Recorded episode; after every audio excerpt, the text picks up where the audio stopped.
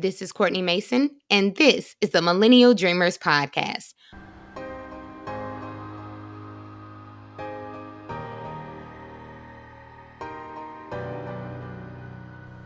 Hey, hey, friend. Welcome back to the podcast. I hope you have been doing spectacularly wherever you are in the world. I've been doing great. And, you know, we're steamrolling through the month of July. It's about two weeks away from my birthday. I have absolutely no plans, but I'm just going to say, Leo, stand up regardless. We're giving you big Leo energy, and that's just that on that, okay? But anywho, we're gonna cha cha slide right on to the topic for today, which was inspired by the latest story that has set the internet ablaze, and that's related to none other than Jada Pinkett Smith and singer August Alsina. Now, if you're one of the fortunate people who spares you know, if you spare yourself from internet crazy and you're just not glued to your phone or your computer all day and you've missed some of this, then consider yourself lucky. But the rest of us have seen a lot of the the articles about it. We've seen the interviews and all that stuff. So I'll just give a brief recap if you happen to be someone who's not aware of what transpired. So, singer August Alsina recently revealed in an interview that he had a relationship with Jada Pinkett Smith for years of his life, he said. And he went on to say that he could literally die knowing that he's experienced real love. Now, once that clip hit the internet, it began circulating like crazy and it prompted a lot of speculation from everyone wondering okay, is this true? Is this something that he's just saying to promote his latest project? Because he does have an album that either came out already or is about to be released. So it was just a lot of speculation about that. And this caused Jada to issue a statement to say that she was bringing herself to the red table in reference to her Facebook show, The Red Table Table Talk. Um, it's a very popular show. Generally, they have guests on to talk about so many different things about um, self care and just like different things that, you know, I wish there was a show similar to that when we were growing up that could kind of just talk talk openly and honestly about certain things that are maybe considered taboo. So in any event, she said even though she interviews different people, she said she was bringing herself to the red table because there was some healing that needs to take place. So that specifically is what inspired today's topic, not the content of that interview because I did watch the interview. She sat down with her husband, Will Smith, and they talked about it and she admitted that she had what she referred to as an entanglement with August, which Will quickly said no, it was a relationship. And she kind of talked about how that happened and different things about what was going on, the state of their marriage at the time, and the fact that her and August were both hurting. She was helping him out yada yada yada. If you want to hear more exactly about what she said, then you can watch it on Red Table. It was about 12 minutes long. But my thing was I when she decided to actually come forward and say, I'm going to talk about my side of the story, that to me sparked an interest in why it's so important to take control of your narrative. One, I don't, and so, you know, a lot of people were talking about different things why was it right was it wrong and all of that i'm i'm not here to pass judgment on anyone and and talk about um, the different layers of their relationship or interactions with each other. That's not what this is about. But I thought that it was important that both of them took control of their narrative. One, August, he talked about it because he felt that he was losing opportunities. He said, you know, people speculated about their relationship for years and he didn't speak on it, or he may have said something here and there, and it caused him to lose money. Um, different people didn't want to work with him because of it. And you're talking about the the Smith brand, they they have a huge brand. Their children are in show business. They are both actors and musicians and all of that. So I mean, it's not far fetched to think that he may have lost some opportunity. So he decided, I'm going to share my story um, and and what it is that caused me to be in a situation where maybe I wasn't uh, my healthiest, or how I got out of it, or you know, subsequent actions um, following my healing, yada, yada, yada. I don't have a problem with that. Different people were saying he shouldn't have said anything, but you're literally saying that someone shouldn't tell their story. And I don't think we could tell anyone not to do that. But for Jada to then turn around and say, "You know what? I'm going to bring myself to the to the red table." She took control of her narrative. And I think that's very important. Our stories, our narratives are our own you know. And I wrote on IG after I watched the interview and after she had said that she was going going to speak about it that I'm an absolute advocate for that because regardless of whether you are a popular celebrity or just an everyday Joe Schmo who flies under the radar like most of us, your story is your own.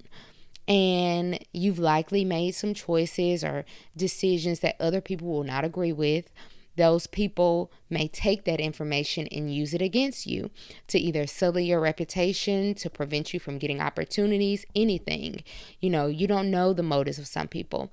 So, this episode is to briefly talk about why and how we need to take control of our narrative, both personally and professionally.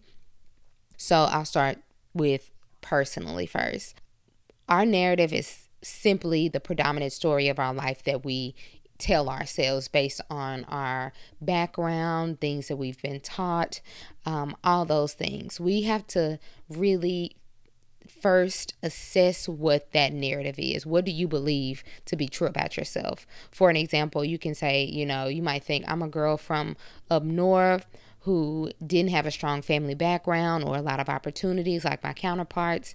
And that has prevented me from excelling in life. I haven't gotten all the things or achieved all the things that I wanted to achieve. Um, I have trust issues in relationships because I didn't have my dad around. And now that's why I'm single now. I just can't you know, commit to a relationship. It's hard for me. All those things, while that might be a part of your story, you don't have to make that the narrative those are things that happen in your past, but you can really control what you believe about your narrative and what you tell other people about it, right? So instead of looking at those aspects of it, what you really can t- say is what I believe to be family are the people that you choose to be in your life who impact you in a positive way, in a way that you can um, feel loved and seen and heard. Those are the people that I consider family, and I have so many of those individuals around me. That can be your narrative versus I didn't have a strong family background, so I don't have a lot of people that I trust, right? And it doesn't really matter if we're going to shift what the narrative is, if that's necessary, then it doesn't matter if it's fictional because fictional ideas can become real. What you tell yourself consistently, what you kind of visualize to be true and believe to be true, can absolutely become true and can impact your life in a positive way. So, again, you want to take control of that and look at the things. How can you reshape the story that you tell yourself instead of saying, you know, these are the things that happened to me, yada, yada, yada. You can say, you know, instead of saying, I didn't have a lot of opportunities like my counterparts, you can say, I've, I've had an opportunity to dig deeper um, to find different things, uh, strengths within myself that have allowed me to excel at jobs that I have, which will then catapult me later on when I move to the next step because I will do this, I will become this, or get, get in this job or have this opportunity. Tell, tell yourself the things that will happen in addition to what is true now you have absolute control over what that narrative is. And if we self assess and realize that some of those things that no longer serve us, that we've told to ourselves about ourselves, no longer serve us, then we can then make it a much more positive narrative that will help us to get ahead and get exactly what it is that we want. Um, because if you're telling people you're going into interactions when you're meeting people and what you share with them is limiting, then they might take that information and share it with someone else. And then that becomes your story, as opposed to having an empowering story um, that you can then use. Um, that will benefit you in the long run. So I just wanted to say that what you, what the narrative that we tell about ourselves and that we tell to others can impact us. So we want to reshape that when necessary. And the second thing is if you find yourself in a situation like a Jada and an August, whether it's a relationship or not, but it's something where your narrative is being used against you in a negative way. Be proactive about it, be honest, and be straight to the point. You don't want to waste time overthinking how you can twist the story. Um, if you've messed up in some way, own it. You don't have to give every single detail about the situation because, frankly, it's not really anyone's business to know all the ins and outs about a particular story. But get on top of it and control the narrative that someone else has created because, um, you know, what people, if it goes unchecked, people believe what's out there. So if you say, you know what, I'm going to be vulnerable and authentic and I'm just going to share what what's true from my perspective what what is the truth about it and say listen i did mess up in this situation. You know i've learned from it. I'm growing from it and i will be better. That's much better than just allowing someone to say oh i saw that this person was arrested for a dui back when they were younger um, and such and such, and look, there's their mugshot, and yada yada yada, and take it on. You can say, look, I made a really really crappy decision, which caused me to um, be affected and, and, and hurt myself and my loved ones and potentially hurt other people. But I know better than that. I know I never should have done that.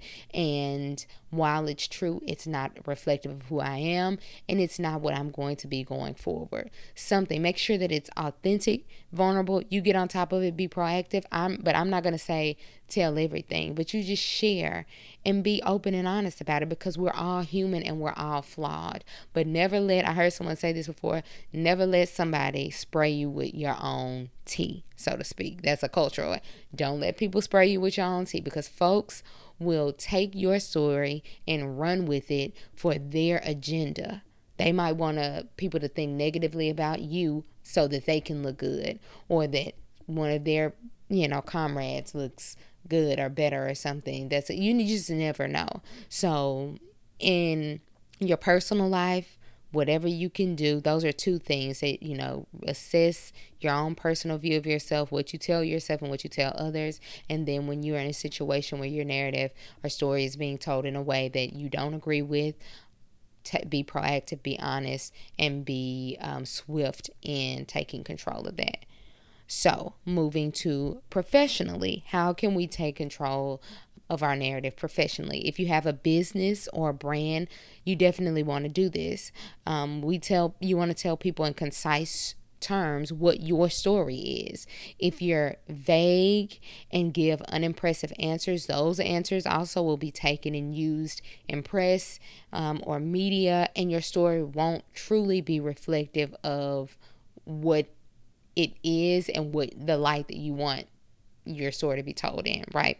So the thing of it is, I have just a few things to say about that. In order to take control of your narrative, just like personally, you want to be genuine. People can smell a phony a mile away. If you're insincere with your concern and the reasons that you're serving people or selling something, a product or service, it'll come across to the consumer immediately. So you want to remain genuine and honest about your why. I think I've talked about this in previous podcasts. Is knowing your why. Why are you in business? It can't just be to make money. There has to be another reason that fuels you to do the thing that you're doing, to sell the thing, to be of service, to offer whatever it is that you're offering. You know, be honest about your why and really understand it so that you can really serve people on the highest level and you know you want to know why your brand is needed why it's necessary. There's tons of different things out there. You might have a service that's identical and you likely do have a service that's identical to someone else's. Why is yours necessary? Why do we need it? And why do you want to serve us? Um, be genuine overall. That's the first thing. Secondly keep it simple. You know you want to make your story as simple and as easily digestible as possible. Um, when it's easy for the the audience to comprehend it's easier for them to share it with someone else and tell your story exactly how you want it to someone else so there's just a very easy kind of three step formula or sequence that your brand story should have. You know, it should follow a, there's a problem that you've identified, there's a solution to that problem, and your business, brand, service provides the answer to that solution and the su- success for that. That's very easy. Problem, solution, success. So, if you kind of deviate from that in any way, it can become more complex and add layers and confuse your customer consumer. Um, so, you want to make sure that you just really are focused in on that when you're drafting or coming up with your the, the narrative or the story for your brand. And also consider your customer's perspective on it. Like what do they need and what do they think about your because sometimes they can tell you different things that how they view your brand and that can help you shape your your brand's narrative and story in a way better than you could have come up with. They people sometimes see different things within us within our business um, in from a lens that we can't see because we're so in it and we're so much in it on a day to day level and we're doing you know we're doing the work and all of that or it's just you know if it's on a personal level it's who we are. Other people can can look at it from the outside and give us information that we may not have considered. So consider the customer's perspective with regard to your professional brand those are just the three simple tips that I have and how we can control the narrative for our brand in a positive way. Um, overall, you want to make sure that whether it's personally or professionally, you do what's necessary to make sure that the story that you want told is the story that is being told. People are going to say things regardless, but you can always decide to make it um, your story what you want it to be.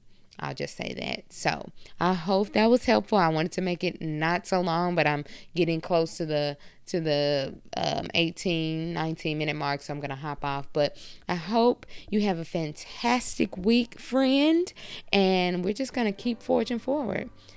Until next time, peace.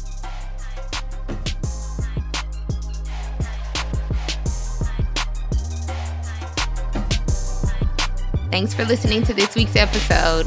But before you leave, hit the subscribe button and leave a comment. We want to know what you think about the episodes that you've heard so far. Let us know by subscribing and leaving a comment. And again, thank you for tuning in. We'll talk soon. Peace.